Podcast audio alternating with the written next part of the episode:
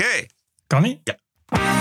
This is the TPO podcast. VVD'ers vertrouwen Sophie Hermans niet. Ik sta hier als fractievoorzitter van de VVD. Maar voor hoe lang nog? Rus denkt dat Oekraïne de oorlog wint. They can win this war in maybe in a few months. En paniek nu Twitter van Elon Musk is. Twitter dead at the hands of Elon Musk. Aflevering 400! Ranting and Reason. Bert Bresson, Roderick Phalo. This is the award winning TPO podcast. Ja. Even pl- Ja, klappen voor ja, onszelf. ja. Allemaal, allemaal even klappen. Want Precies. 400 is al mooi. Mooi getal ook. Exact. En best wel, best wel veel ook. Wij klappen ook eventjes voor al onze luisteraars die al zo lang onze steunen, niet te vergeten, met donaties en met lidmaatschappen van de Vrijdagshow. Alleen dankzij jullie zijn we er nog. Ja, en als jullie nou allemaal als dank 400 euro opbetalen, Dat schiet dat op.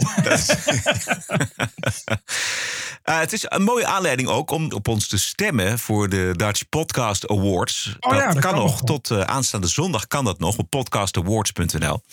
Eh, we staan in de rubriek meningen en maatschappij. En we zijn het blauwe varkentje. Vergeet je naam en e-mailadres niet onderaan te bevestigen.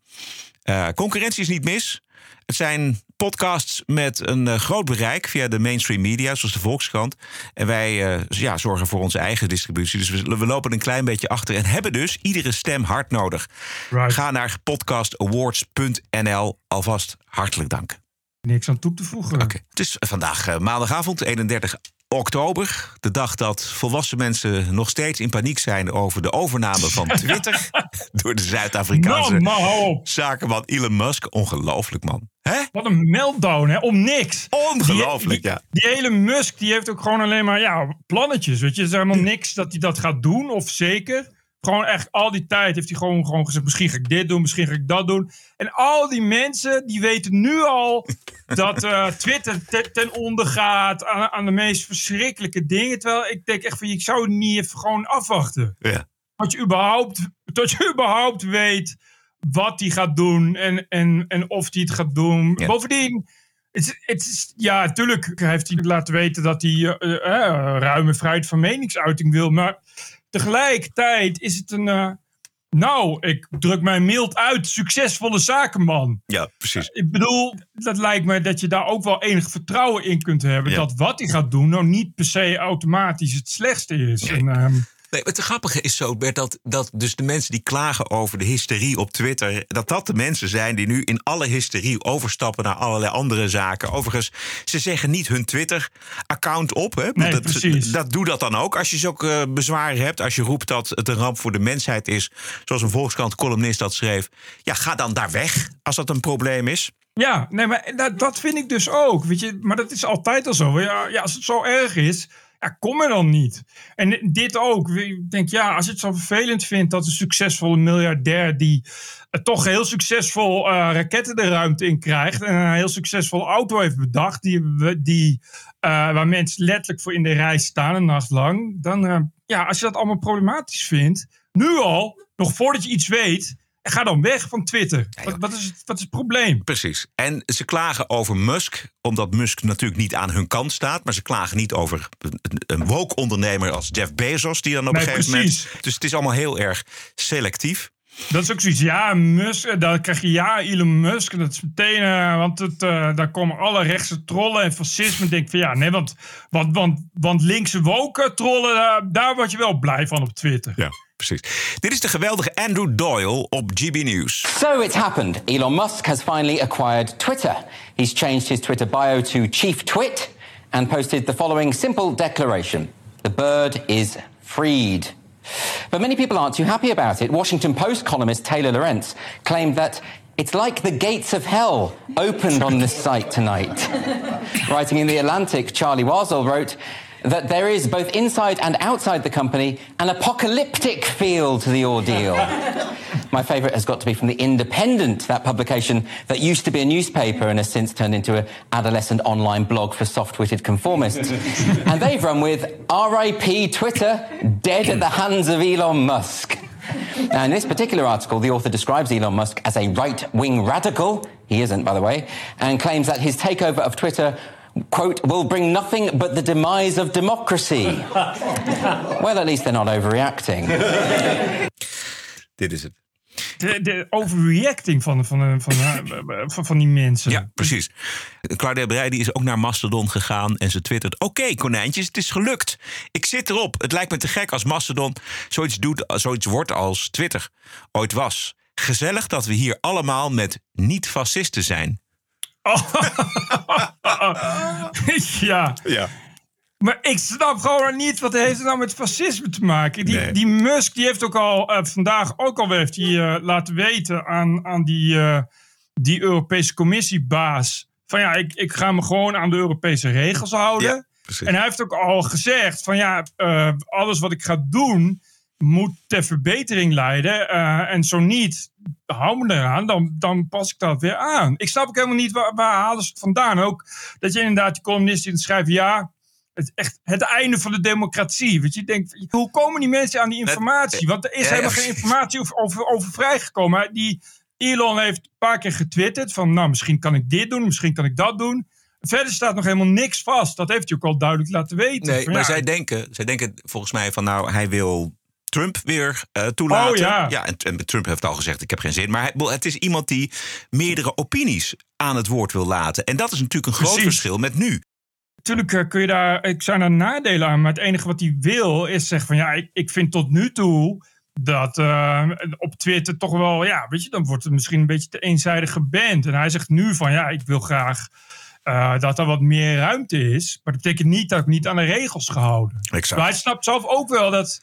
Eh, In The Verge zat er een mooi stuk over. Welcome to Hell, Elon. Die beschreef inderdaad prachtig van wat je op de hals haalt als je een, een, eh, een medium als Twitter koopt. Want het betekent ook. Ja, je, je, Twitter is per definitie iets waar eh kinderpornoverspreiders en bots en trollen en spammers zoveel mogelijk eh vingeren in de pap willen.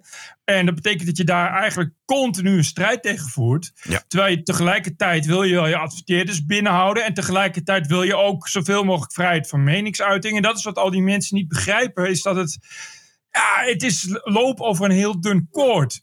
En dat weet Elon Musk ook. Dus Ja. hij, heeft, hij heeft ook nooit gezegd van, oh, ik ga alles openzetten. Want als, als je dat een dag doet, dan kun je Twitter weggooien. Want dan staat het helemaal vol met kinderporno en doodsbedreigingen. En dan heb je ook geen adverteerders meer. Ja, en dus dat weet hij ook wel. Ja, precies. Als je het hebt over dat er maar twee geslachten zijn, dan, kun je, dan riskeer je al je account. Precies. En we weten nog wel de laptop van Hunter Biden. Ander ernstig voorbeeld, de Babylon Bee, weet je nog wel? Satire. Dat was hate speech.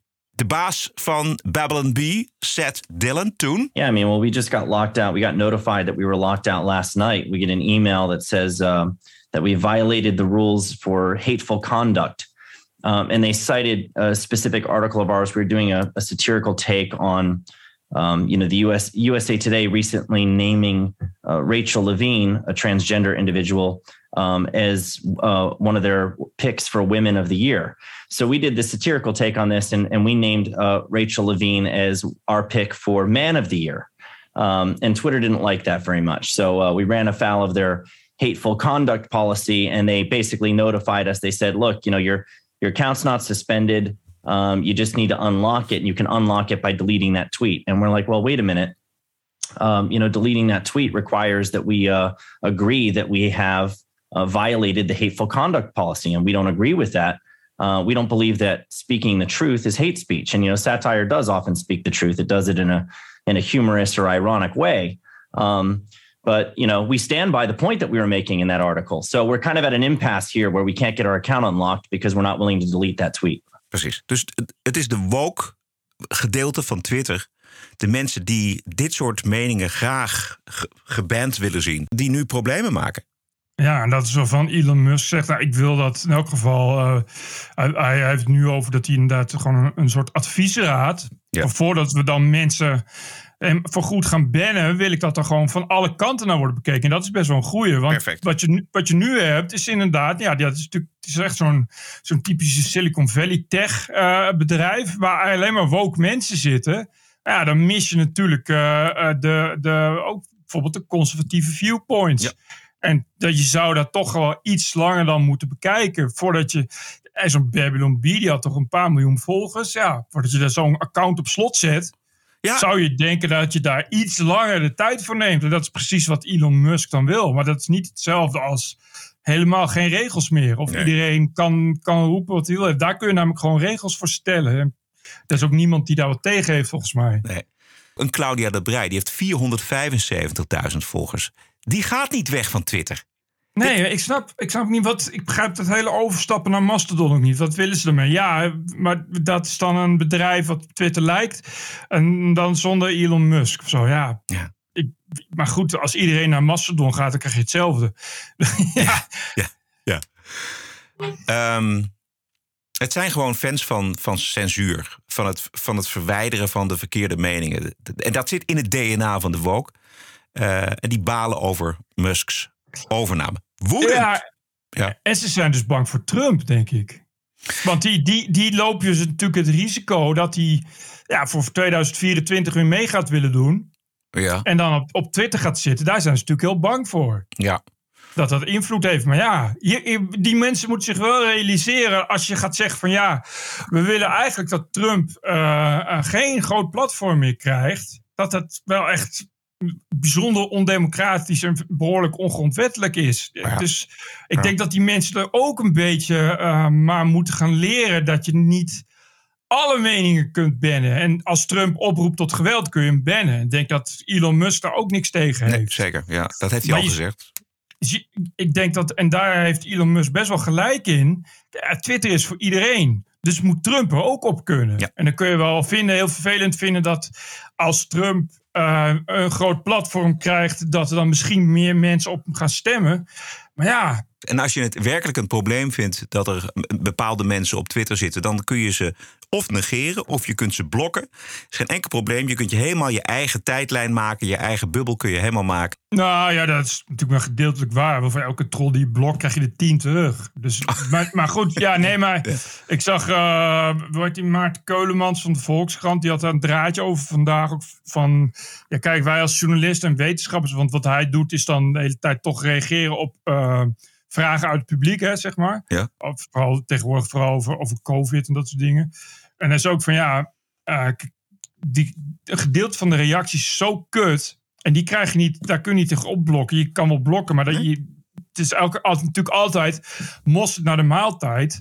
En hij zei, het zou misschien eh, al kunnen schelen als je een, een optie krijgt dat, eh, dat je bijvoorbeeld anonieme accounts automatisch kunt, kunt muten. Oh Ja. En dat vond ik wel een goeie. Ja. Dat, je, dat je dus inderdaad kunt kiezen van, nou, ik, ik, eh, ik, ik stuur een kopie van mijn paspoort naar Elon Musk. Of ik blijf anoniem, maar dan, heb je, dan hebben mensen de mogelijkheid om je, om je preventief te blokken. Er was een minister die dat deed, volgens mij. Hugo de Jonge, die inderdaad zei: ja, ik, ik zet nu mijn reactie op Twitter gewoon uit. Want ja, als minister wil je wel weten wat er in de samenleving speelt. Maar ja, als 90% eh is, is dat je een, een reptiel bent die kinderen eet en dat soort dingen, dan, dan denk je ook van ja, oké, dan, dan, dan maar niet. Het zou leuk zijn als je daar inderdaad een weg tussen kunt vinden. Volgens mij staat hij overal voor open. En hij heeft ook gezegd Ja. dat hij zich aan de wet wil houden. eh, ook als reactie op die eh Ja. vermanende vinger uit de Europese Unie. Nog één keer Andrew Doyle. The reason they're so upset, of course, is that they don't see Elon Musk as being on their side. In fact, Musk himself has made clear why he wanted to buy the platform. This is what he said The reason I acquired Twitter is because it is important to the future of civilization to have a common digital town square where a wide range of beliefs can be debated in a healthy manner without resorting to violence. And there you have it. That's why they're so afraid. Because disciples of the new religion of critical social justice, colloquially known as wokeness, don't believe in free speech. And for a long time now, Twitter, which, like most corporations, has been completely captured by this ideology, has been enacting policies that censor points of view that the executives don't agree with. It has deliberately vague terms of service that mean it can delete accounts at will without having to give a reason.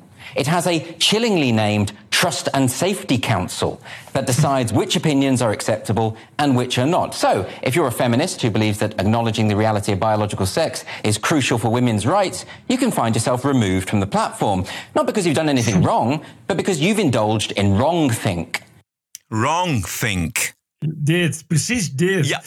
En die Elon Musk, die wil het gewoon democratiseren. Kijk, die, die Doyle net geeft natuurlijk een goed voorbeeld. Het is natuurlijk best wel bizar dat je wordt geband als je zegt dat, dat vrouwen, oh, weet je, dat, dat alleen vrouwen een baarmoeder hebben en dat soort dingen. Dat maar ik vind sowieso, bottom line is dat die mensen die je. Ik heb wel altijd geleerd dat je gewoon eerst even moet wachten. Ja. Voordat je oordelen moet vellen. Die, die, die mensen, zo'n Claudia de waar- die, die, een oordeel is echt gebaseerd op niks. Nee, maar het is, het is vreselijk. Het is niks. weer vooraan in de rij van kijk, mij is deugen, want ik hou niet van eh, deze Elon Musk en eh, ik ga hier weg. Ik weet niet of ze Tesla rijdt, maar ik, ik, ma- ik neem Nee, aan nee, dat ze een Tesla rijdt, want ze is voor het milieu. Nou, ik neem aan dat ze die ook gaat inleveren.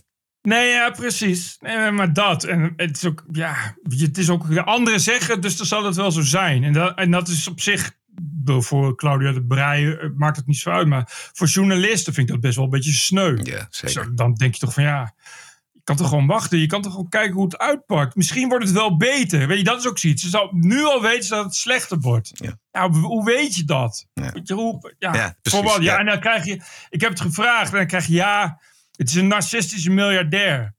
Ja, Ik denk ook dat er een hoop mensen tussen zitten die eh, toen Trump in 2016 verkozen dreigde te worden, riepen van: Oh, dan ga ik emigreren naar Canada.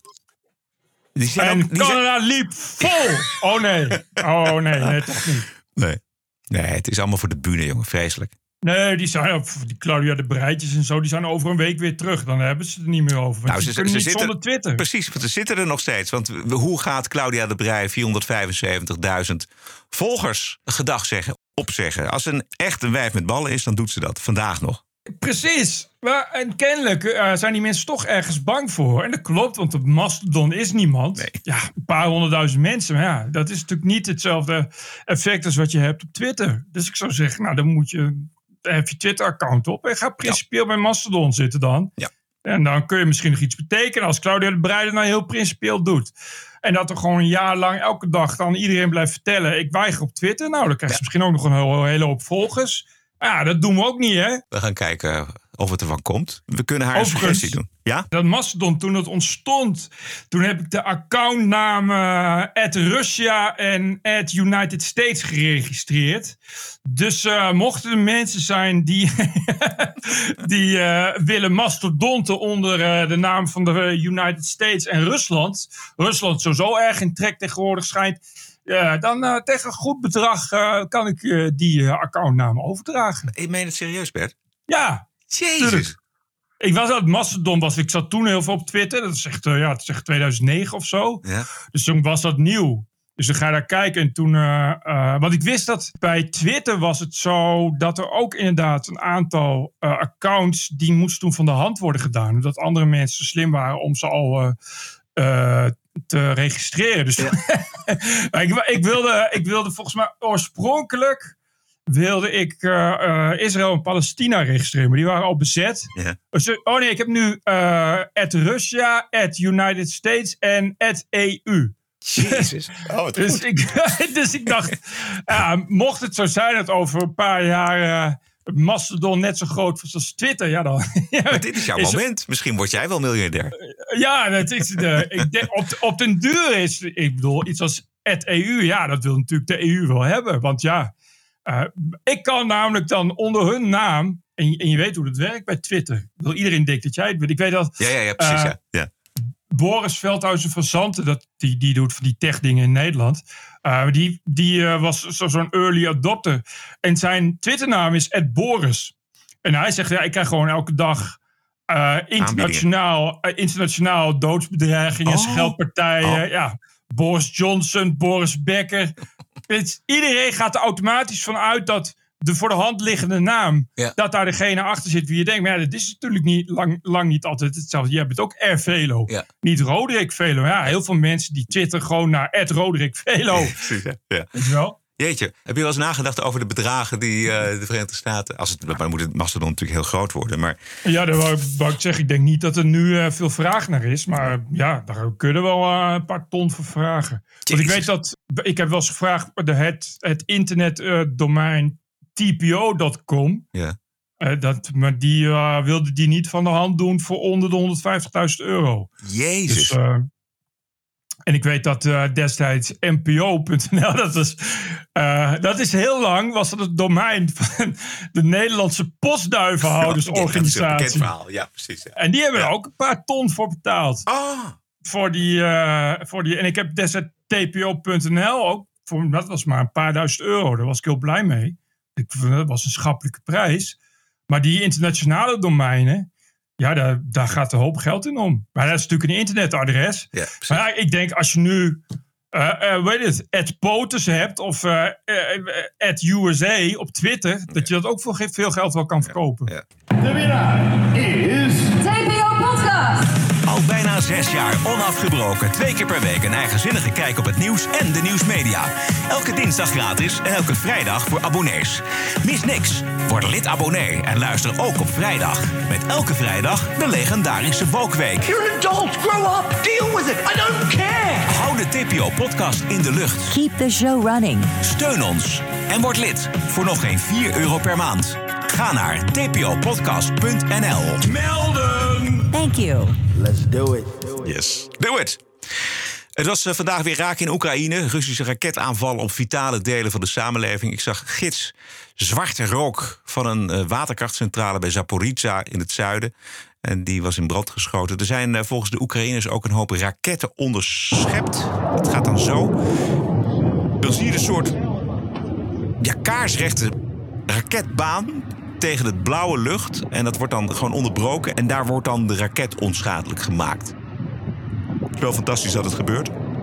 Ik zag uh, Boris Bonder, dat is uh, een Russische oud-topdiplomaat. Dat is de man die tot mei VN-ambassadeur was bij de Verenigde Naties. En hij hield het in mei voor gezien vanwege dus de inval in Oekraïne. En woont nu ondergedoken in Zwitserland. En gisteren bij CNN uh, werd hij geïnterviewd. En hij denkt dat de oorlog in Oekraïne in enkele maanden over kan zijn. I don't think that Putin is really ready for a long protracted war. I think that his strength, his regime is a little bit overestimated now.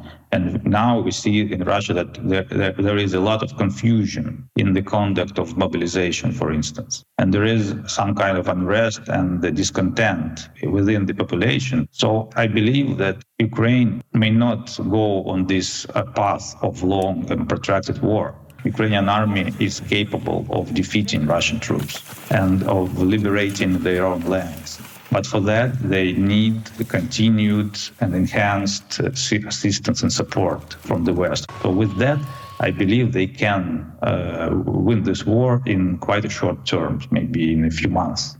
Ja, dat, weten we natuurlijk allemaal niet. Maar dat deze man dit zegt. Nou ja, ik denk dat hij gelijk heeft wel. Oh, ja. uh, ik heb niet het idee dat er. Ja, het is wel. Uh, nu toch wel. begint wel een heel long stretch te worden voor uh, Poetin. Ook qua materieel, qua moreel van de troepen. Uh, überhaupt de troepen. Hij heeft natuurlijk, uh, ja, die, die die gemobiliseerd heeft, is nu al een puinhoop. Uh, laat staan dat er nog veel groei tussen zitten. Als hij het zegt, geloof ik dat graag dat er natuurlijk steeds meer weerstand is binnen Rusland. Ja. Ik las ook een verhaal van een, een telefoongesprek tussen een Russische soldaat die met zijn moeder belt. Dat is uitgelekt. Ik heb een stukje daarvan gehoord. Ik kan het niet verstaan, maar je hoort wel die moeder huilen. Je hoort wel dat het echt is. En daarin ja. vertelt die jongen dat er dus sprake is van dat de jongens dat front in worden gestuurd en dat er achter hen geschoten wordt als ze zich omdraaien en terug willen. Dus, ja, dus dat zijn Stalinistische methodes uit de, uit de, Tweede Wereldoorlog. Dit soort verhalen komen naar buiten in, in Rusland. Dat maakt het allemaal. Uh, Ik wou net ja, zeggen. heel erg. zal niet de motivatie tot grote hoogtes uh, stuwen. Nee, nou, maar goed, Stalin is het ook gelukt om de nazi's te verslaan op die manier. Maar goed, die had ook wel wat meer man. Ja. Uh, en meer, en meer uh, industrie die werkt, et cetera. Dus wat je zegt, het zal uh, de, de, de, de mensen die straks toch worden opgeroepen, als ze worden opgeroepen, niet, niet zo maken dat ze zeggen, oh leuk. Nee. En misschien kunnen ze dat ook niet zeggen omdat ze het lastig vinden om na te denken. Want het zijn allemaal mensen die ook uit de goot komen. Het zijn niet de beste soldaten die nu worden geselecteerd voor, voor het front in Oekraïne. En wat wonderlijk is, is dat optimisme bij die Poetin. Want die denkt nog steeds dat hij het volgens mij gaat winnen. Ja, of hij weet het wel en hij speelt een spel. Dat weet je niet. Nee. Maar er is weinig reden voor optimisme, voor, voor zover ik weet. Ja, de, materialen raken op, de munitie raakt op. Hij moet er al voor naar Noord-Korea. Ja. Hij wordt door iedereen gesanctioneerd. Dus, dus dat betekent dat je ook, ook helemaal niks meer kunt maken. Voor, hij is natuurlijk wel gewoon afhankelijk van, van high-tech eh, spul. Ja. En daar moeten chips in en zo. En die heeft hij zelf niet vanwege de sancties. Ik geloof dat een, een groot gedeelte van de nieuwe mensen, nieuwe soldaten gerecruiteerd, dat die, een, die krijgen dan een, een AK zoveel, maar die is dan uit 1957. Ja, en daar is, klopt, ja. daar is bijna geen munitie meer. Dus die, ze Nee. zitten ook met twee verschillende soorten munitie zitten ze ook aan het front. Dus eh, een totale verwarring. En dat is natuurlijk geen goed leger. Zeker niet als je dat afzet tegen dat Oekraïense leger, getraind en, en gemoderniseerd door het Westen. Ja, wat dus nu, zoveel is ook duidelijk, nu onbeperkt wordt bevoorraad door, door de Amerikanen en Europa. Dat weet hij ook. Dus dat je weet, hij weet, hij kan niet anders dan, dan beseffen dat hij dat sowieso gaat afleggen. Ja. Hoeveel mensen, hoeveel mensen je ook mobiliseert. Dat is no match voor de oneindige kracht en kapitaal die het Westen in, in natuurlijk massaal in, in Oekraïne gooit. Dus ik zou, ik zou ook niet weten waarom die er niet gewoon mee stopt. Maar ja, ik weet niet wat zijn, wat zijn plan is. Een leuke peiling weer van Maurice de Hond over het vertrouwen in de fractievoorzitters van de Tweede Kamer. Als je kiezers eh, bij elkaar zou vragen, dan heeft Omtzigt het meeste vertrouwen. Hij staat op eenzame hoogte, gevolgd door Caroline van der Plas en Marijnissen. En het minste vertrouwen krijgt Baudet. Hey, die staat helemaal onderaan. Nog 1,9. minder- 1,9. Nog minder dan Silvana en nog minder dan Gundogan. Ja, ja ik vond het zo grappig. Ja. Het is ook echt precies wat je verwacht. Namelijk dat de algemene kiezer heeft nul vertrouwen in Baudet. Maar onder de eigen kiezers gemeten Ja. stond Baudet op de derde plaats. Ja, ja. precies. Een echokamer dus. Ja. Wie het ook heel slecht doet is eh, Sophie Hermans bij het algemene electoraat, zullen we maar zeggen. Maar Hermans eh, doet het ook heel slecht bij haar eigen achterban. Want Goh. van alle fractievoorzitters scoort Sophie Hermans het minste vertrouwen bij de eigen achterban. Ja, het is ook niet heel raar dat Rutte dan opeens Edith Schippers eh, terugroept naar Den Haag. Ja, die wordt dan eh, de lijsttrekker voor de VVD. eh, tijdens de provinciale statenverkiezingen. Lijsttrekker eh, voor de Eerste Kamer. Er moet iets gebeuren bij die VVD. Want dit is natuurlijk een, een enorm slecht rapportcijfer voor Sophie Hermans. Die zo haar best doet. Ik sta hier als fractievoorzitter van de VVD. Met de allerbeste intenties om de goede dingen voor Nederland te doen. En ik. Dat is wie ik ben. Dat doe ik met een open blik en open vizier. En ja, dan kunnen we van mening ver- verschillen, meneer Klaver. Mevrouw Kuiken, mevrouw Marijnissen. Ook met u, meneer Wilders. En ik vind het prima om op de inhoud dat debat te voeren. Maar alsjeblieft op de inhoud en niet op de persoon. Ja, en dat is natuurlijk ook nog dodelijker als je dan op die manier nog steun krijgt. Maar dit was het debat van 15 juni dit jaar... toen Geert Wilders haar de tassendrager van Mark Rutte noemde. Maar het kan niet anders dan dat dit natuurlijk een groot probleem is bij die achterban. Ja, eh, ze heeft tot nu toe ook niet zoveel. Wat, waar kennen we er verder van? Ik bedoel, Ja, van dit? Het is, ja, nee, precies. Dus je hebt het tot nu toe heb ik ook niet het idee dat de VVD er heel veel gehad heeft. En eh, toen het, eh, weet je, als het op aankomt, dan zegt ze alleen maar lege dingen. Weet je, dan wordt er gevraagd van hoe eh, gaat de VVD de, de burger tegemoetkomen in de energiecrisis? Dan is het, ja, we gaan de burger tegemoetkomen in de energiecrisis. Ja, maar hoe dan? Nou, we gaan de burger tegemoetkomen in de energiecrisis. Weet je, het is niet dat je denkt van er is eh, allemaal Concreet. oorspronkelijke, concrete en eh, sprankelende voorstellen uitgekomen. Waarvan je denkt, nou, kijk, daar kunnen we de toekomst wel eh, op bouwen. Ja. Ik heb Ja? een beetje het gevoel dat het, dat het toch een soort, al die tijd een soort interim fractievoorzitter is, Mhm. fractieleider. En daar is het ook voor bedoeld, denk ik, Bert. Want Rutte. Rutte die wil aan de touwtjes trekken. Die is de baas. En Rutte die heeft geen visie, die heeft geen politiek. Die wil alleen maar leider blijven, wil alleen maar premier blijven. En dan is het schipperen tussen uh, de, de coalitiepartijen. Ja, hoe moet je dan in godsnaam als fractievoorzitter... die dan zo aan de leiband loopt van Rutte... hoe moet je dan nadenken over oplossingen? Of, of ja, met concrete voorstellen komen? Dat kan niet, want je moet voortdurend schipperen. Ja, maar als dat waar is, dan is Sophie Hermans nu gewoon als alsnog weer een tassen dragen. Nee, dat, ja, ja, het klinkt vervelend misschien voor haar. Maar Ja, maar ja, nu draagt ze dus weer de tas van Rutte. het is het lot van die partij. Als je zegt van... Ja, dat is nou eenmaal zo. Het is, het is een vreselijk... Het is gewoon een machtspartij, net als bij D66. Toch ook een partij die verder ook geen ideologie meer heeft. Het zijn machtspartijen, ze willen alleen maar in de regering. En dan moet je niet met ferme standpunten komen. Dat is mijn idee. Ja, nee, het is, eh, ik vind het wel een beetje zielig voor die partij allemaal. Maar eh, dat, Eigen hier begint het wel te Ik vind het lijken. helemaal niet zielig. Het is gewoon eigen schuld, dikke zielig, zielig, zielig is groot woord. Ja.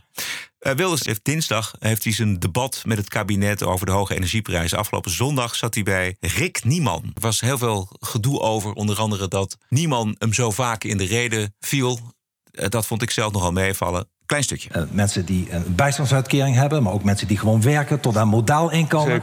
En die mensen, en meneer Nieman, die trekken het vaak niet Maar die meer. krijgen toch al een hele stevige bijdrage van krijgen- de gemeente of het kabinet. Als jij in bijstand zit, krijg je, ik geloof, hè, 1300 euro.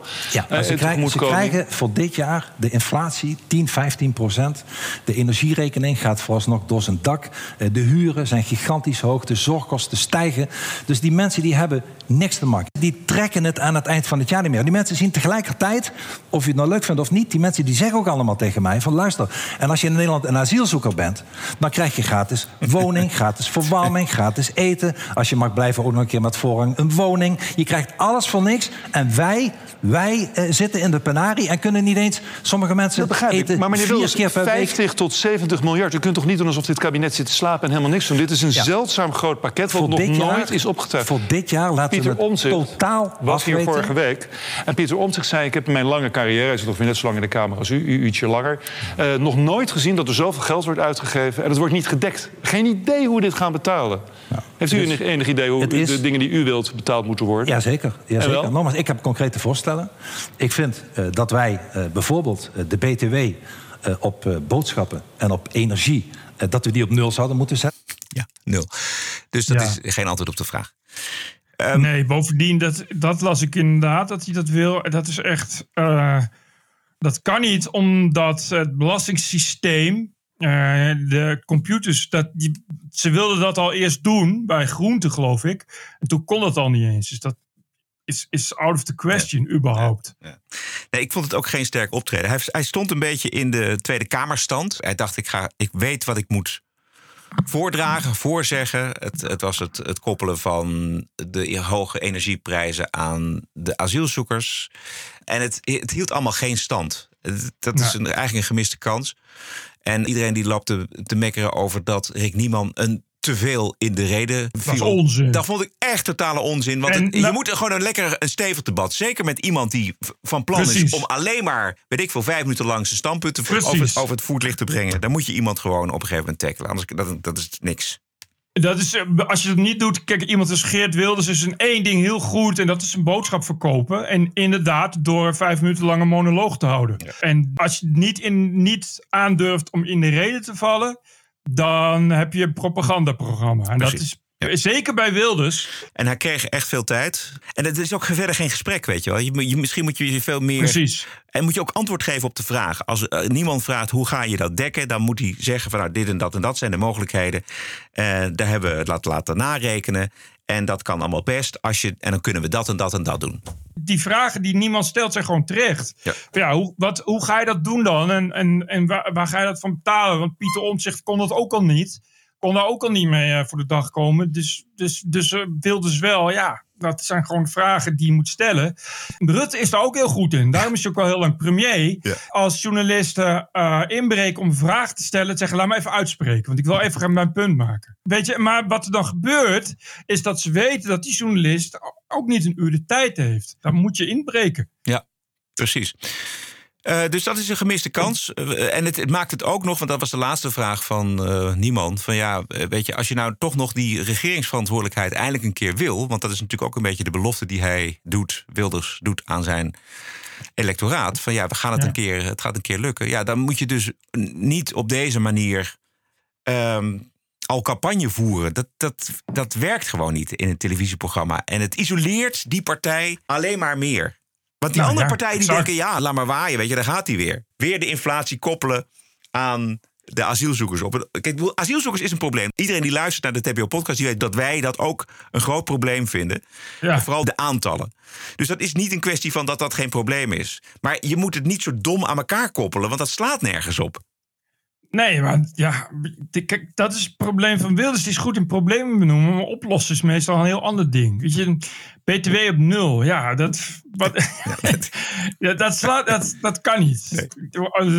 Ook dat wil je niet en dat kan niet. Weet je, dat is, maar dat is echt zeggen, ja, we gaan, uh, als ik aan de macht kom, komen er 3 miljoen huizen bij. Ja, ja, ja. het is niet dat mensen, het is niet dat het huidige beleid dat niet wil. Weet je, het is niet dat uh, uh, Rutte per se BTW wil omdat hij rijk wil worden. Ja, je moet wel ergens je beleid van kunnen betalen. Ja, het is ook een gedeelte van de Nederlandse bevolking die problemen heeft. En die moet je zeker uh, moet je die helpen, maar niet door de BTW van alle producten af te halen. Want daarmee begunstig je ook alle mensen die het allemaal makkelijk kunnen betalen. Die veel, nou, exact. Hè? Ja, dus dat, dat is gewoon een weggegooid geld. Dat is hetzelfde het probleem wat we nu krijgen met een tegemoetkoming van de energiebedrijven. Iedereen krijgt 190 euro. Ja, dat, dat komt dus ook bij mensen terecht die, zoals ik, Die, die gewoon niet zoveel stoken. En, en ik heb het helemaal niet nodig. Wat echt raar is. Ik vind het echt bizar. Dan moet je je voorstellen, als je gaat zeggen: ja, uh, we gaan een 0% BTW. Dat betekent dat alle bankiers en, uh, en uh, mensen aan de top van de Unilever, die ook al heel weinig dividendbelasting betalen. Ja, precies. Zij ook. 21% rijker worden. Ja. Ja. Weet je, omdat jij graag arme mensen wil helpen. Ja, dat is goed, maar dat moet je dan op een nogal gestructureerde manier doen. En dan wordt er gezegd: oké, de mensen die het kunnen missen, maak dat geld over aan de voedselbank. Nou, dat zal ik ook zeker doen. Maar het is niet iets structureels. Dus je moet niet komen met een ongedekte cheque om de BTW af te schaffen. Dat, dat slaat gewoon nergens op. Dat kan wel, maar dan moet je ook komen hoe je je onderwijs dan gaat betalen en je zorg en weet ik veel wat. En je wegen, dat is allemaal leuk. Maar BTW is, is gezien uh, de dagelijkse hoeveelheid die we daaraan betalen en uh, forse bedragen, is dat een substantieel onderdeel van je, van je begroting. Ja, en volgens mij trouwens uh, Europees geregeld, denk ik. Ik heb nog nooit een Europees land gezien waar je geen BTW betaalt. Misschien lager, maar dus, nou ja. Maar goed, hoe dan ook, waar het om ging, is dat die nou, bij niemand zat. En ik vind, ik vind het heel goed. Die mensen moeten niet klagen. Wees blij dat, uh, dat programma's Wilders aan het woord ja, laten. precies. En hij had zijn kans kunnen grijpen, maar dat heeft hij onvoldoende benut. Is mijn idee. In de TPO-podcast op vrijdag, de Wokweek. Ook in de wiskunde valt nog genoeg te decoloniseren. Het absurdisme. You're an adult, grow up, deal with it. De terreur. Everything woke turns to shit. En het verzet ertegen. This cancel culture is gonna end, end, end. De Wokweek in de TPO-podcast op vrijdag. Ja, ga naar de vrijdag toe. Ga naar tpopodcast.nl. Want daar kun je voor uh, nog geen 50 eurocent per show, 4 euro per maand, kun je luisteren naar de TPO-podcast op vrijdag. Met de Wokweek. TPO Podcast. Ladies and gentlemen, the president-elect of the United States. This is CNN breaking news. We have never, ever, ever, ever failed in America. It's an incredible way of putting it. Tell them the truth matters. It's an incredible way of putting it. This is a Russian intelligence disinformation campaign. Why isn't Joe Biden angrier about all of this? How stupid can you be? This is a classic example of the right wing media machine. It just lacks credibility. Go ahead. Volgende week dinsdag de midterms verkiezingen in Amerika. Totaal maloot met extreemrechtse sympathieën is het huis van de Pelosi's binnengedrongen. En begon daar uh, in te slaan op meneer Pelosi bij afwezigheid van Nancy. Wat wou je erover zeggen? Nou, het is niet per se zeker dat hij extreem rechts is en zo. Dat wordt nu wel oh, overal dat, geroepen. Uh, eh, maar er begint steeds meer. Uh, New York Post publiceert er ook veel over. Greenwald zit er ook goed op, zag ik. Ja. Het lijkt toch vooral, uh, vooral een, een, gewoon een gek te zijn. Ja, wel een gek. maar wel met, met ook die, die meningen. Dacht ik dat ze die hadden gevonden ja, op uh, Mastodon. ja, ja, ja, precies. Maar dat is wel heel makkelijk gekoppeld meteen. Dat is de hele discussie, precies, ja. En ik vond uh, bovendien de grap is dat het in uh, San Francisco gebeurt. En het aantal gekken dat daar vrij rondloopt is enorm. En dat komt door democratische beleidsmakers. Ja. Dus, ja. ja. Wat jij zegt is natuurlijk enorm gepolitiseerd. Iedereen, Precies. beide partijen hebben natuurlijk deze daad met scherpste bewoordingen veroordeeld. Daar, daar gaat het niet om. Maar de, de, het, het debat is nu van ja, moet er iets veranderen aan de toon van het debat? Dat is een heel goed debat. Daar, uh, ik vind daar van alles van. Maar uh, ik vond dat bij dit dacht ik wel van. Dan zie je ook weer als journalisten dat doen. Die zeggen dan meteen: Dit krijg je ervan, Trump. En denk van nou, zou je niet gewoon het onderzoek van de politie afwachten, bijvoorbeeld? Of tot er wat meer informatie bekend is over, over, over deze persoon. Ja, het is vrij snel. Aan de andere kant kun je ook zeggen: ja, weet je. We hebben natuurlijk in Nederland hebben we dat ook gehad. Het gepolariseerde debat leidde misschien op een gegeven moment ook wel tot een idioot die dan met een fakkel voor de deur van, van Kaag staat. Weet je, dat, Ja. dat gesprek hebben we ook gehad. Het gaat niet om dat iedereen met een bijl of met een fakkel eh, achter politici aan zit. Maar het is juist het kleine groepje met, van gestoorde mensen die dat misschien wel oppikken en denken van ik ga mijn eigen weg. Ja, oké, maar dit, eh, om, ook omdat aan dit verhaal, wat, zoals ik het las, zaten ook nog wel wat kantjes die nog niet opgehelderd zijn. Dus dan denk ik in elk geval als journalist zou ik daar dan iets voorzichtiger mee zijn dan dat meteen maar te koppelen aan, aan eh, de retoriek van Trump. Michiel Vos, de neef van Paul en Nancy Pelosi. Eh, die zat eh, vrijdag over dit onderwerp bij Radio 1. Die hamer waar dus om gevochten werd in dat huis, waar ik heel vaak ben, dat is, nou ja, zeg ik maar meteen even, een soort van symbool voor waar we twee weken voor de midtermverkiezingen in Amerika wel zo'n beetje zijn bij aanbeland. Alles is hard mappen naar tegenstanders, mensen die het niet met je eens zijn. Dat wil niet zeggen dat dit allemaal politiek is. Deze man was zeer waarschijnlijk ook in de war. En daar zijn al berichten over. Maar de politieke, het geduw en getrek en het gehis en het geheig... dat zit wel mede achter dit soort idiote aanvallen bij mensen thuis. Wa- Wat is volgens jou, Bert, het verschil tussen die fakkeldrager bij, voor het huis van Kaag en deze gast? Nou, die fakkeldrager wist je waar die voor kwam. Eh, en die was duidelijk, eh, eh, had hij zijn informatie gehaald uit, uit de wappiehoek. En bij deze man weet je niet zoveel anders dan dat hij riep, waar is Nancy?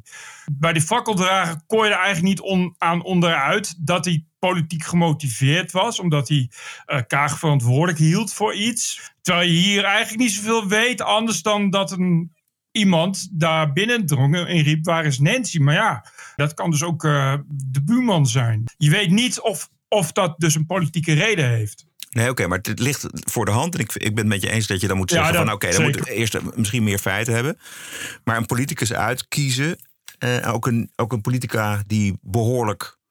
Ja, eh, dat, dat, vond, dat vind, ik- vind ik wel. Ja, Ja. Dat, dat, dat, ik dacht het ik, eerst ook hoor, maar daarna las ik de andere dingen. En dan lees je wat Greenwald schrijft en zo. En dan denk je toch van ja, daar zit ook wel weer wat in.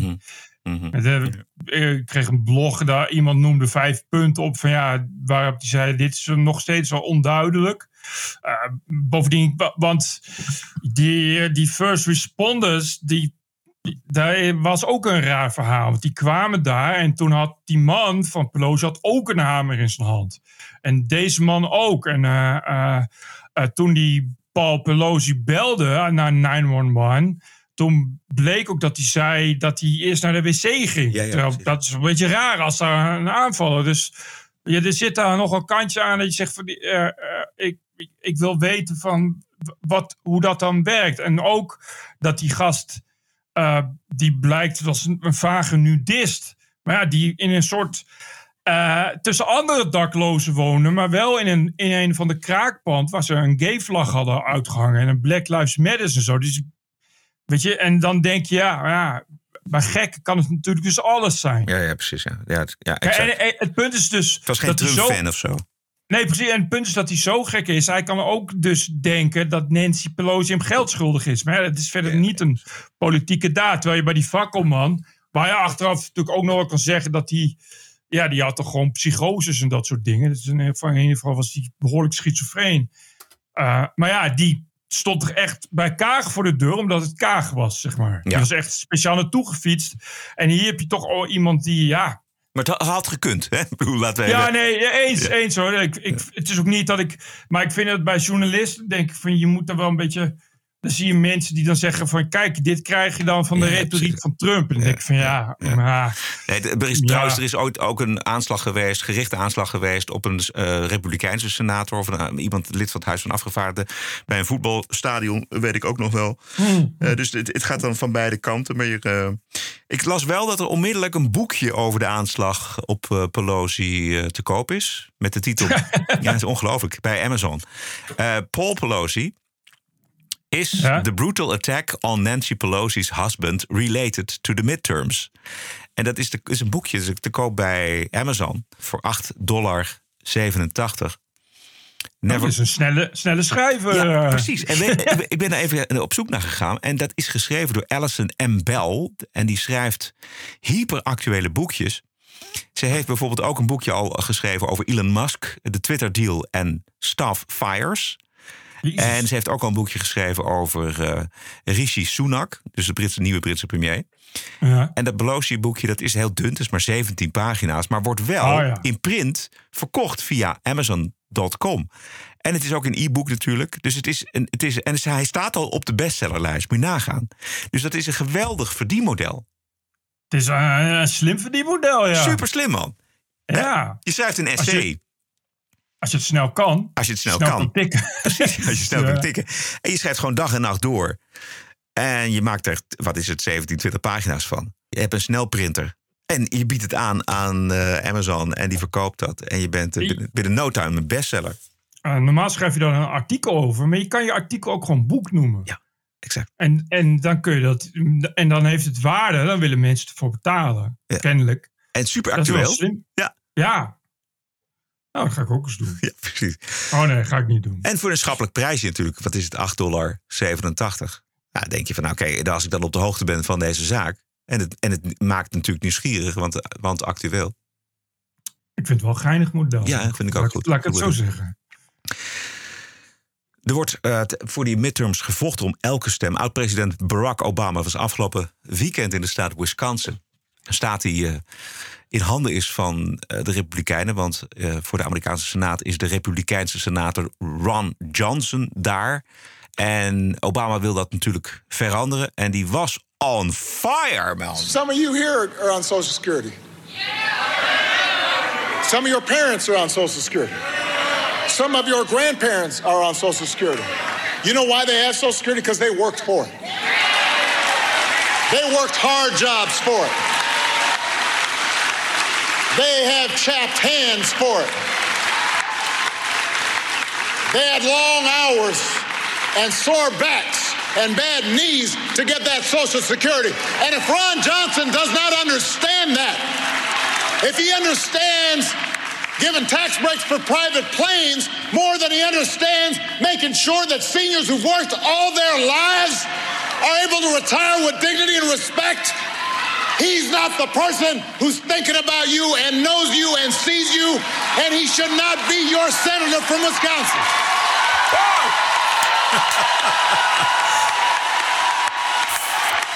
Belastingverlaging voor privéjets en dat afzetten tegen de Social Security voor mensen die hun knieën kapot hebben gewerkt. Ik heb het al eens vaker gezegd, maar die uh, Barack Obama zou zelf president moeten worden. Die zou echt, uh, die oh. zou echt uh, geef ik een goede kans. Waarom zou dat? Nee, het zou vast niet kunnen. Nee, mag niet. Nee, nee mag, mag niet. Nee, maar mag maximaal. twee termijnen. Ah, jammer. Jammer, jammer, jammer. Of de, ik geloof dat wel eens keer drie, maar dat was een oorlogssituatie, oh, ja, ja. uitzondering, zeg maar. maar de, ja. ik denk hij, hij kan niet weer, nee. nee. Ik denk dat hij te vroeg gepiekt heeft. Ik denk dat hij in zijn leven... Nou, Hè? dit is echt fantastisch, man. Nou ja, als je dit hoort, dan begrijp je het dus ook wel. Waarom, uh, waarom die het toen acht jaar lang is geworden. Ja, Omdat exact. je, ja, dit is toch wel kwaliteitje van, ja. van de juiste. Ja. Ik kijk altijd tegenwoordig wel YouTube met een Amerikaanse VPN. Omdat op um, YouTube er staan gewoon complete films en zo. Die je dan gewoon gratis kunt kijken met advertenties. Okay. Maar als je dus een Amerikaans VPN, dan heb je Amerikaans IP-adres. En dan krijg je ook alle Amerikaanse ads te zien. Yeah. Dat is enorm grappig. Want nu krijg je dus heel, heel veel ads om, vanwege die midterms. Yeah. En dan krijg je dus inderdaad hè, gewoon ads van... Uh, uh, die, echt echt met, met, sombere muziek op de achtergrond. Dat je dan zo'n stem hoort zeggen dat deze persoon, als die weer wordt gekozen, heeft dit en dit van plan. En laten we dit gebeuren. En zo. Het is echt Yeah. niet laten zien wat jij kan, maar laten zien waar de ander slecht in is. Dat is een beetje het idee van, van campagne. Kimma's, wat nog meer? De 400ste. Hey, de 400ste. Exact. Wat zou ik zeggen? Je mag daarvoor voor uh, doneren. Je mag uh, lid worden van de Vrijdagclub. Dan krijg je er ook nog iets moois voor terug. Namelijk de vrijdageditie. Die is hartstikke leuk. En dat kan allemaal via tpopodcast.nl. En voor de rest, ja, voor mensen die nog niet hebben gestemd op ons bij de Dutch Podcast Awards, die kunnen naar podcastawards.nl in de categorie meningen en maatschappij. Juist. Let's do it. Het is belangrijk dat iedereen daarop stemt. Precies. Elke dinsdag en elke vrijdag online via je favoriete kanalen. Dit is de TPO Podcast. Wij zijn er weer aanstaande vrijdag. Ik zou zeggen, stay cool. En tot vrijdag. TPO Podcast. Bert Bruson, Roderick Balo. Ranting and Reason. Nou. Wat fijn dat dat gezegd is. Podcasting is the TPO podcast in the Netherlands. Bert and Roderick. What a show. I'm telling you. Keep the show running. Go to tpo.nl slash podcast. Thank you.